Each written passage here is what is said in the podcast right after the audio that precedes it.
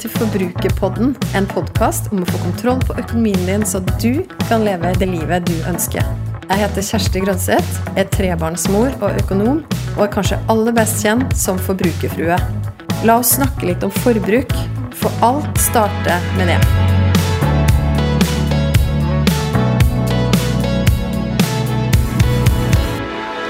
Du hører på Forbrukerpodden, og det her er Kjersti. Og jeg ser tilbake på nok ei uke full av takknemlighet. Jeg har nemlig vært i kontakt med så mange av dere som hører på podden, som er på mailinglista, som er på Instagram, og som har dukka opp i innboksen min der med spørsmål eller innspill eller refleksjoner.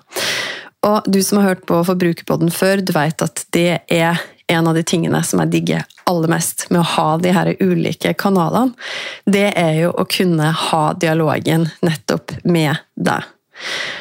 Tusen takk for så mange meldinger fra dere som har lest boka mi. Nå, nå har jeg på lista mi at jeg kjenner folk som har økonomidate med søstrene sine to ganger i året bestevenninna si hver søndag.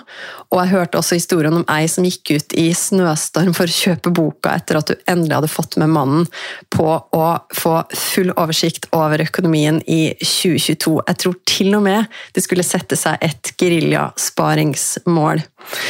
Du, jeg husker ikke om jeg har nevnt det her før, men jeg hadde to mål da jeg skrev den boka. Og For det første så hadde jeg lyst til å lage et produkt som jeg var stolt av sjøl. Og det skjønte jeg på slutten av den prosessen, rett før boka skulle gå i trykken. Vet du hva? Det klarte vi. Og takket være da to fantastiske redaktører på forlaget og en fin, fin designer, så fikk vi et produkt som innholdsmessig er bra, men som jeg også er stolt av å legge fram på stuebordet. Det andre målet, det var at jeg ville at den boka her skulle være til hjelp for minst én person. Litt sånn klisjé å si det, men jeg mener det for meg så ble det et viktig mål. At det skulle være det aller, aller, aller viktigste for meg, i tillegg til det at jeg skulle skrive noe som jeg var stolt av sjøl. Det var at det skulle være til hjelp for minst én person. Og så begynte meldingene å tikke inn da, om hvor mye dere som allerede har kommet i gang med de ulike datene, de sju ukene til bedre økonomi, at dere har faktisk fått et bedre perspektiv, eller spart penger, eller bare blitt oppmuntra i deres egen økonomi allerede. Og da vet jeg, da har jeg lykkes. Så kom de to første ukene av 2022, da. Og så, bare som prikken over i-en, så har da boka mi begge ukene havna på den offisielle bestselgerlista i Norge. Og det er jeg enormt takknemlig og ydmyk overfor. Og det, det, er litt sånn at jeg klyper meg i armen, kjenner jeg faktisk akkurat det der. Men litt inspirert av det, da, eller det vil si rett i forkant, så begynte jeg å drømme om at tenk om det skjer, da. Og så sa jeg også på et punkt, jeg tror det var i den episoden der Paul intervjua meg om boka, at tenk om vi setter oss et mål sammen, at hvis boka faktisk havner på den offisielle bestselgerlista, da skal vi gjøre noe gøy. Og det jeg fant på da, det var at når landet åpner litt mer opp igjen, så tar jeg med meg boka ut på turné, eller ut på en tur, og så trekker jeg et nytt sted der jeg skal komme og ha et homeparty, rikere enn du tror-versjon. Der jeg skal komme hjem til, i stua til noen av dere som er lyttere av podkasten eller følgere på Instagram, eller som kjenner meg på en eller annen måte og som da har nominert sin stue og sitt hjemsted, så trekker jeg da et sted som jeg skal dra til. Og nå har jeg allerede trukket to plasser fordi at boka har vært to uker på bestselgerlista. Det er fortsatt egentlig helt utrolig. Men jeg skal altså til Tysvær i Rogaland, og så skal jeg til Vestby i Viken fylke.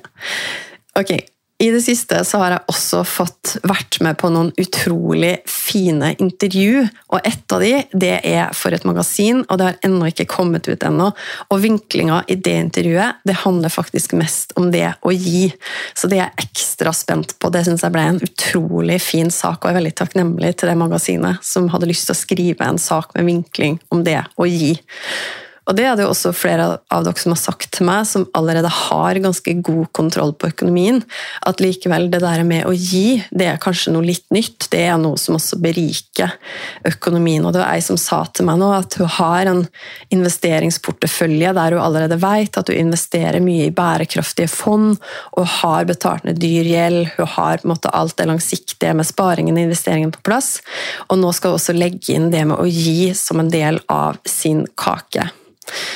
Så har jeg også stilt spørsmål på Instagram den siste uka om du som så den posten, du er bekymra for økonomien din akkurat nå. Fordi Det var undersøkelser nå som kom ut som viste at én av fire, og spesielt litt yngre folk, faktisk, som er bekymra for økte utgifter og bekymra for økonomien sin i 2022. Og når jeg spør om det, så får jeg noen responser fra noen av dere som er tydelig nei, fordi jeg har god kontroll og har tatt veldig gode grep de siste åra. Og det heier jeg på, og det er helt fantastisk. Så det er andre som sier ja, og som åpner opp og som er ærlige med sin økonomiske situasjon akkurat nå. Jeg er bl.a. i dialog med folk som skal skilles i år, som ikke vet helt hvordan de skal komme seg gjennom det, rett og slett. Hvordan de skal få utgifter, som, og som også har barn, som ikke kommer til å gå særlig mye ned, altså de faste utgiftene, men som nå kommer til å bare ha én inntekt. Jeg snakker også med andre som sliter med faste utgifter, de høye faste utgiftene akkurat nå. Og flere igjen også som syns det er vanskelig bare det der med å få oversikt. De vet at de har en del f.eks. utestående på Klarna, eller de har noe gjeld, kredittkortgjeld, og så er det vanskelig å få oversikt, og kanskje også finne motivasjon til å bare få betalt det ned.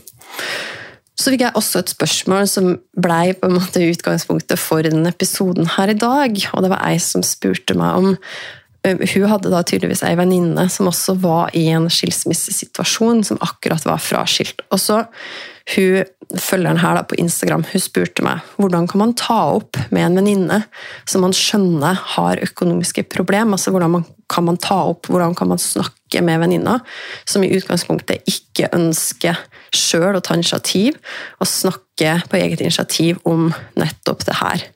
Men så står hun venninna som skrev til meg, da, står jo på utsida og ser at ok, men her er det jo noen ting som hun ønsker å få til, hun venninna. Det er bl.a. det at hun ønsker jo å kunne spare for å kjøpe seg sin egen leilighet, men så får hun det ikke helt til. Og så, De har barn, så hun strever også for å kunne kjøpe likeverdige ting til barna som, som da partneren til vedkommende gjør og ender kanskje opp med å bruke mer penger på eventuelt også matche det de får av partneren. Så, og så er det også noe lån inn i bildet. Så denne venninna skriver jo til meg og si, spør hvordan kan jeg hjelpe henne, fordi hun vil helst ikke snakke om det, og om jeg også hadde noen tanker og noen råd. Og da inspirerte det meg til å lage en egen episode om det. For det er jo en grunn til at det med penger det er jo ofte liksom det tabutema, eller i hvert fall et sånn sensitivt tema. Fordi at når, når vi sliter med økonomien sjøl. Det trenger ikke å være så mye vi sliter med heller. Det kan jo være i perioder, det kjenner vi igjen helt sjøl òg, perioder du ikke kan være med på ting som andre foreslår, eller du bare opplever at åh, jeg får faktisk ikke det her helt å gå rundt om dagen. Så, så kan man jo kjenne på en skam inni seg, med skyldfølelse, hvis det f.eks. også er barn inne i bildet, og, og så er man gjerne redd for å også bli dømt av kanskje seg sjøl eller andre. Så da kan det jo være lettere å bare unngå tema, eller unngå å ville snakke om det, iallfall. Det skjønner jeg kjempegodt. Men så er det jo sånn at i hvert fall du som hører på nå, som, som kjenner noen, som tenker på noen umiddelbart nå som du vet sliter, så er det jo den derre opplevelsen at du har lyst til å være der for dem, du har lyst til å hjelpe. Kanskje har du vært der sjøl, og så veit du hvor lett det er å unngå den krevende situasjonen og de vanskelige samtalene, kanskje. Og så lar du det heller bare bygge seg opp da, til kanskje et større problem enn det, enn det kunne vært i utgangspunktet.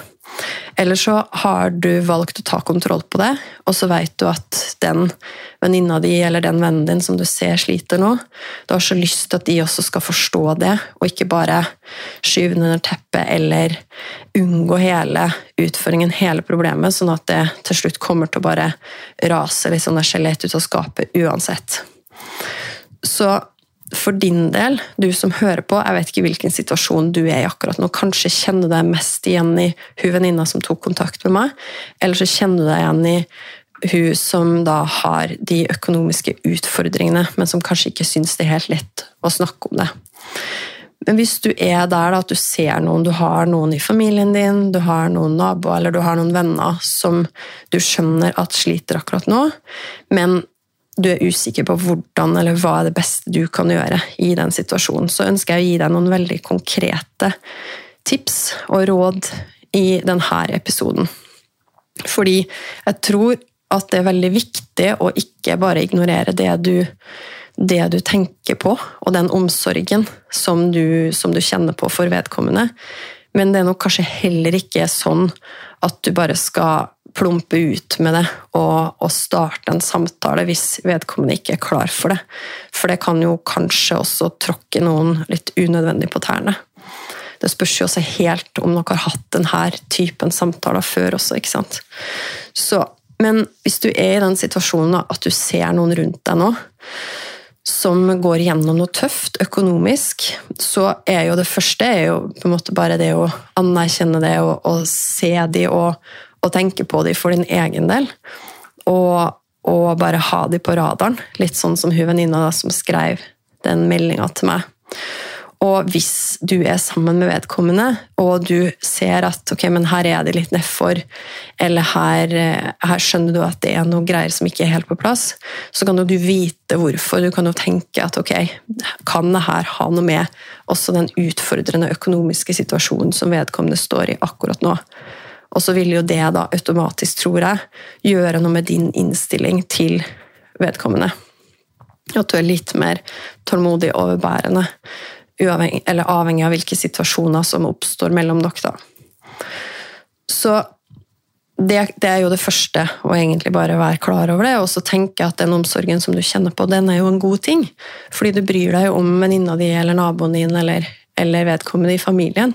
Og du ønsker virkelig at de også, og særlig hvis du har vært i en tilsvarende situasjon eller du bare har tatt gode grep, så er jo du den beste også til å vite hvor bra det er. Hvis de bare forstår og tar de kanskje kan du tenke deg nødvendige første stegene for å, for å få den oversikten og kontrollen som også du, du fikk. Så Neste steg kan jo være det å faktisk ta kontakt. Men da handler det jo veldig mye om hvilken type relasjon det er, og hvor trygg, hvor trygg du er på den relasjonen fra før. Fordi at det vet jeg jo sjøl, altså, i mitt eget forhold med mannen min, så, så har vi jo snakka ganske åpent om økonomi egentlig hele veien. Men til og med for oss så tok det jo en del år å finne ut et språk der begge var helt trygge på å kunne si alt og og dele alt som vi visste også kanskje at den andre var litt annerledes på. Og i vennskap, så Der har jeg tenkt at ok, men, men der er det faktisk ikke mange vennskap jeg heller har der vi snakker helt åpent om økonomi. Og hvis det er sånn at jeg kommer i en situasjon der jeg sliter skikkelig, så er det nok kanskje bare noen få som jeg virkelig går til. Så, men hvis det her er en nær venn, nær person for deg, da, så kan det jo hende at du allerede har hatt noen andre litt utfordrende samtaler med vedkommende, og at det kan være naturlig også å ja, gjennom samtale vise at du bryr deg. Og da er det jo nettopp det det skal handle om. Det, det her kan jo ikke være en sånn redningsaksjon for din del, der du har noe personlig agenda om at denne personen skal komme seg til et annet sted enn vedkommende i dag. Det må være rent ut fra omsorg, tenker i hvert fall jeg. Og det tror jeg også er med på å bidra til at den samtalen og relasjonen videre også kommer til å være så bra som den kan være. Så hvis du har vært et sted, tilsvarende sted sjøl, så kan jo du Jeg ville kanskje i en sånn situasjon bare satt direkte ord på det. At ok, jeg skjønner nå at situasjonen din, hvis du tenker at du er bekymra og stressa for din økonomiske situasjon akkurat nå, så vil jeg bare si at det skjønner jeg kjempegodt. Og hvis du har vært i tilsvarende situasjon sjøl, så kan du jo bruke det for alt det det er verdt. Og hvis du ikke nødvendigvis har hatt tilsvarende stress eller bekymring på økonomi, så kan du jo bruke andre situasjoner du har vært i, og at du vet at ok, men sånn her sånn her føles det, eller jeg, jeg vet også hvordan det er å være bekymra. Og så kan du gjerne dele fra ditt liv. Så det er jo egentlig litt sånn å, å gå inn i eh, Sette deg inn i båten si, sammen med vedkommende, eller å, å, bare komme litt på samme side og vise at du bryr deg. For det er jo ingen som har lyst til å føle seg dømt for noen ting som helst i en sånn type situasjon, men de ønsker at du er der sammen med dem. Så hvis du har tilsvarende historie å dele, så vil jo kanskje det være det aller tryggeste også for din venn.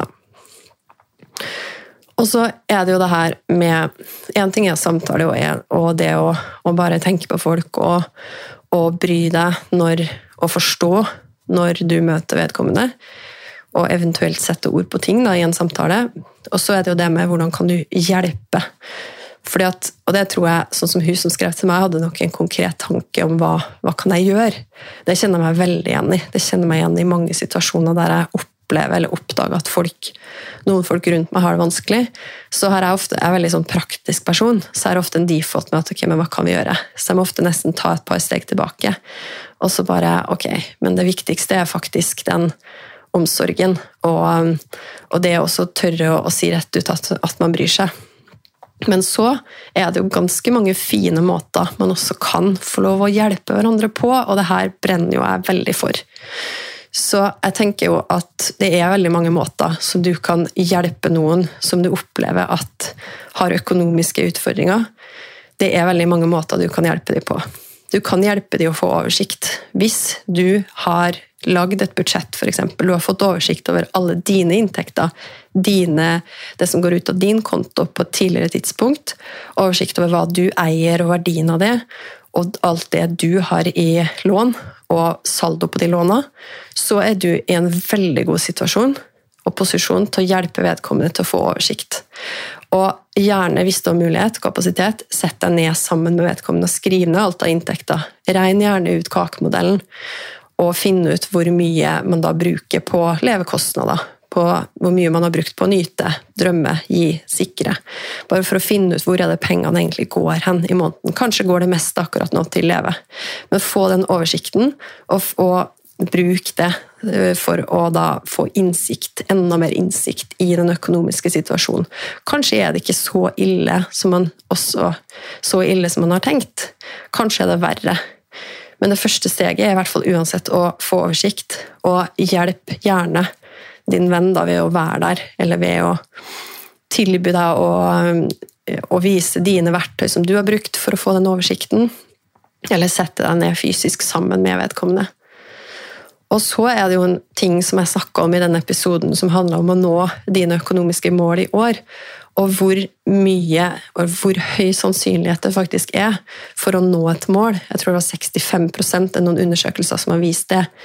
Noen studier når du finner noen som kan være Som du kan, ehm, som du kan si til at de skal få lov til å følge opp deg litt ekstra, og deg og dine mål en type accountability partner. Jeg vet ikke om det fins noe sånn godt norsk ord for det, men det handler i hvert fall om å være en som sier at vet du hva, jeg kan stille deg spørsmål så ofte som du har bedt meg om, eller på visse tidspunkt. Og da var det en, en studie som sa at sannsynligheten for å lykkes er 65% Og så var det også sånn at i en annen studie hvis du i tillegg da, avtaler et fast tidspunkt hvor du skal snakke med vedkommende, da er sannsynligheten for å nå målene dine 95% Så nesten 100, altså. Så hvis du da tilbyr vennen din nå, hvis, hvis, det viser seg at åh, men det må faktisk tilby helt konkret økonomisk hjelp, i form av å sette deg ned, vise dine verktøy, dine metoder, og være også vedkommende da, sin støtte gjennom det her.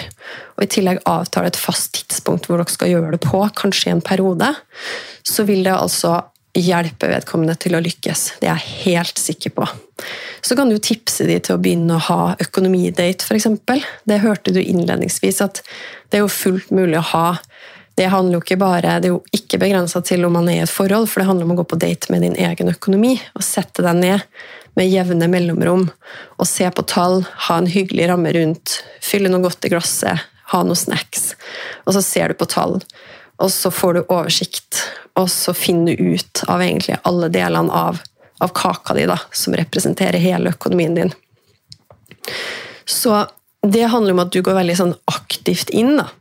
Veldig aktivt inn i økonomien og bidrar. Og jeg tenker jo at du som har hørt på Forbrukerpodden før, og som er en fast lytter hvis du, du har jo mest sannsynlig tatt så mange av de her grepene sjøl at du er den beste faktisk overfor din venn. Den personen du har i din nærhet som sliter akkurat nå. Du er den aller beste med dine verktøy. Og så kan du også fortelle den personen det som jeg pleier å fortelle deg. At du har alt det som skal til. Du har alt som skal til for å komme deg ut av en vanskelig situasjon. Det mener jeg ikke som en sånn lett altså Det høres veldig sånn lett ut å si, men, men jeg mener det fordi at du jeg tror på det. Jeg tror på at når du kobler deg på, eller når vennen din også da, kobler på den aller dypeste motivasjonen til og finner ut hvorfor er det her viktig for meg, og, og deretter rigge seg godt med å finne ut okay, hvilke vaner, hvilke enkle vaner er det jeg skal endre på for å få til det her. Hvilken, den, ta én ting da, som jeg skal lykkes med. Så vet jeg, fordi jeg har snakka med så mange, hundrevis i løpet av de siste åra, som har starta med én ting og som har fått tro på seg sjøl. Og derfra så går det bare oppover. Så det er det jo andre ting du kan gjøre, og det kommer jo litt an på hvilken type økonomisk utfordring vennen din står overfor. da. Men hvis det er sånn at de eh, f.eks. har mista jobben akkurat nå, så hvis det er ting du kan gjøre for å hjelpe dem og karrieren eller det å få en jobb, det med CV, det med å hjelpe til med å søke jobb, så er jo det superpraktisk og bra hjelp å få, som ikke handler om at du skal på en måte gå inn i økonomien og den økonomiske situasjonen. Du kan jo også hjelpe de med altså De fleste av oss, og kanskje spesielt hvis man da har havna i en situasjon der man er alene med barn, har jo behov for hjelp hjemme. Og så går det an å hjelpe å rydde, vaske, organisere huset. Eh, inne, ute du kan, du kan, tilby deg å lage måltid som de kan fryse ned, sånn at de har, har, litt som de kan ta opp, sånn at de slipper å bruke tid og krefter og kapasitet til å tenke på det når de kanskje har hodet fullt av andre bekymringer. Passe barna osv. Så, kan du også se på ditt nett, nettverk, og det her er jeg superfan av. Det å det, det fins folk som er helt utrolig rå på det her. Altså Når de hører om noen som har en utfordring, så er, så er de skrudd sammen sånn at hjernen er i gang allerede med å tenke hvem kan jeg koble de her med? Hvem kan jeg koble de her med hvis jeg snakker om jobb, f.eks., eller en mulighet, eller et eller annet. Som, det fins sånne folk som bare da automatisk tenker på tre, fire, fem personer i sitt nettverk som som de ønsker å koble deg med. Da. Så hvis du også har det sånn i din situasjon overfor din venn, eller hvis du kjenner noen som har et sånn type nettverk, ta kontakt også med vedkommende. Og hvis, det, ja, hvis noen kan gi rådgivning på en eller annen måte, sett de i kontakt. Og så er det jo det også med å, selvfølgelig, som vi var inne på i sted, med å bare være der og gi litt sånn emosjonell støtte. For at ofte så handler jo kanskje økonomiske problem ja da, det handler om det praktiske og, og det å få betalt regningene sine og, og kvitta seg med eller betalt ned gjeld. Men det slår jo ofte ut i angst og depresjon for veldig mange. Så hvis du egentlig bare tenker at du skal være en, en god venn for vedkommende og bare høre, bare lytte, og det er ikke sikkert at Kanskje ble du stressa når jeg begynte å si at ja, du kan sette deg ned med vedkommende og, og lære deg opp i å ha økonomidate. Ikke sikkert at du kjenner at du er der i det hele tatt. Men selv om ikke du føler at du har alle svar, da, så kan du, du kan jo øve deg på å lytte. Lytte til din venn. Og så kan det hende at det er helt andre typer ting, utfordringer, som vedkommende har behov for å få løst.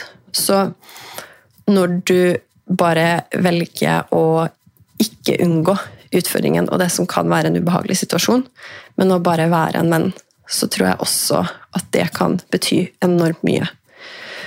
Og så er det litt tilbake til det her med å, å gi økonomisk og støtte økonomisk. Og nå har jo jeg snakka en god del om det både de siste tre åra, og sånn som i den, det intervjuet da, som, som, snart kommer på trykk, der jeg snakka veldig mye om det med å gi, og det også blei litt sånn ja, problematisert, eller, eller spu, journalisten også spurte litt om Men hvis man gir til andre, er det ikke da sånn at man kan føle Altså at man lett blir fornærma, at man føler at ok, men hei, hvorfor, hvorfor kommer du nå gi, skal du gi penger til meg? Det var litt weird. ikke sant?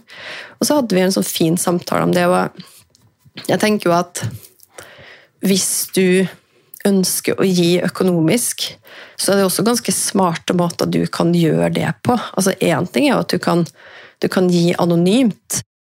Og der er det egentlig bare å gjøre litt research på på om det finnes noen organisasjoner eller noe sånt i din nærhet som faktisk gir videre pengebeløp for eksempel, til folk, eller kanaler som man kan opprette en innsamling til noen, hvor man kan være med og gi anonymt.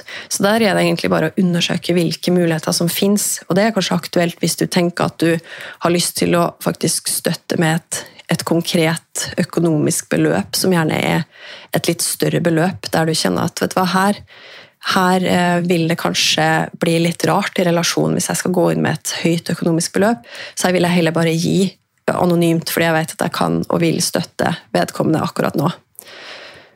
En annen ting kan jo være å, bare invitere med på ting med en veldig tydelig intensjon om at du, jeg vil gjerne ta deg med ut på kino kveld, eh, når det er mulig.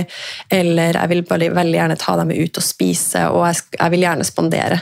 Uten at man da går i dybden på hvorfor. Men det kan, det kan, du vite, og det kan vedkommende vite, men det trenger du ikke nødvendigvis å si. Det kan jo bare være en ting du gjør, og så vil jo vedkommende da helt sikkert sette pris på det. Så kan det jo også være at du bare, hvis du skal besøke vedkommende, at du tar med deg ting. Si at du jeg var på butikken og kjøpte noe ekstra. Jeg bare kjøpte ja, bare kjøpte ekstra av det her og lurte på om du ville ha det, uten at du trenger å, å, forklare hvorfor.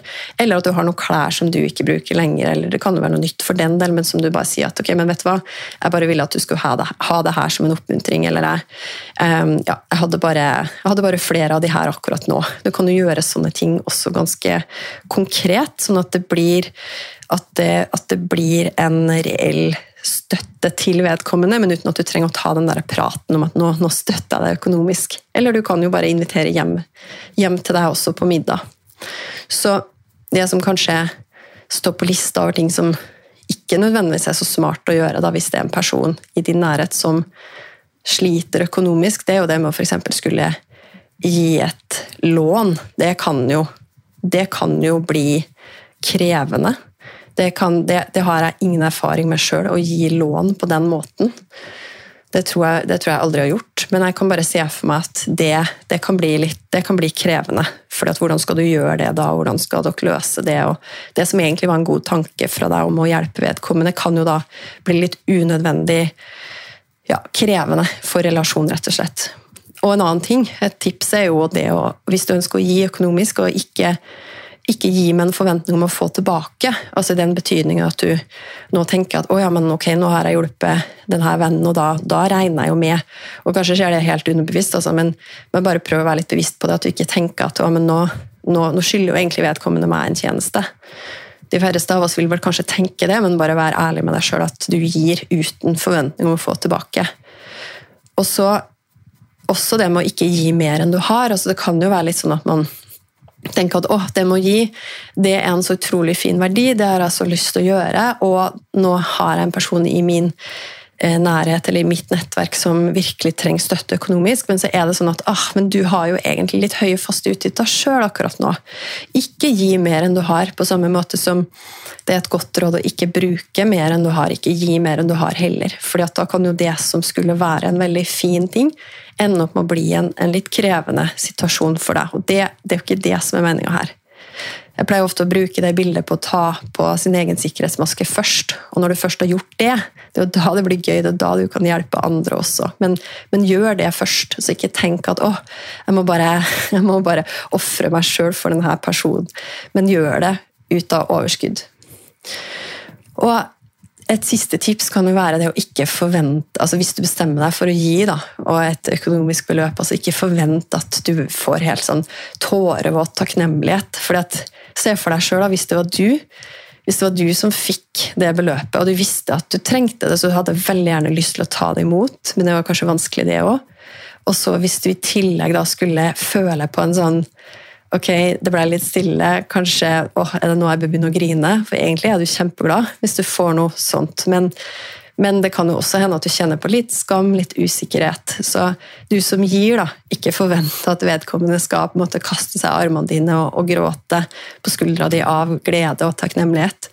Men vit at du du gir fordi at det skal bety noe for den personen. Og da får det også være litt opp til den personen å reagere med sine følelser og sitt uttrykk på akkurat det. Så Det var det jeg hadde lyst til å dele med deg i denne episoden. her. Det som starta med et spørsmål i innboksen, det ble faktisk til en hel episode. Og jeg vil gjerne oppmuntre deg, hvis du kjenner deg truffet av noe av det her, at du kan være den støtten som en annen person trenger akkurat nå. Så jeg vil at du skal tenke på det. Og hvis du tenker nå, etter å ha hørt episoden, på helt konkrete personer, skriv det ned. Tenk på det noen dager, og så ser du hva du kan være med å bety for den personen. Tenk stort om det, for for den personen så kan jo det være det som er starten på noe nytt i vedkommende sin økonomiske situasjon og i vedkommende sitt liv. Så vær oppmuntra, og vær også frimodig hvis du kjenner deg truffet av noe i denne episoden. Enten på det å være med å gi og bety en forskjell for noen, eller på det å bare være en venn som bryr seg akkurat nå. Jeg vil gjerne vite hva du tenker etter å ha hørt episoden. Så koble med meg på Instagram. Der finner du meg som forbrukerfrue. Send meg en melding. Tagg meg gjerne i Story og del episoden her hvis du likte den. Eller send meg spørsmål. Og husk å abonnere på podkasten Forbrukerpodden, så får du beskjed hver gang det kommer en ny episode. Vi høres!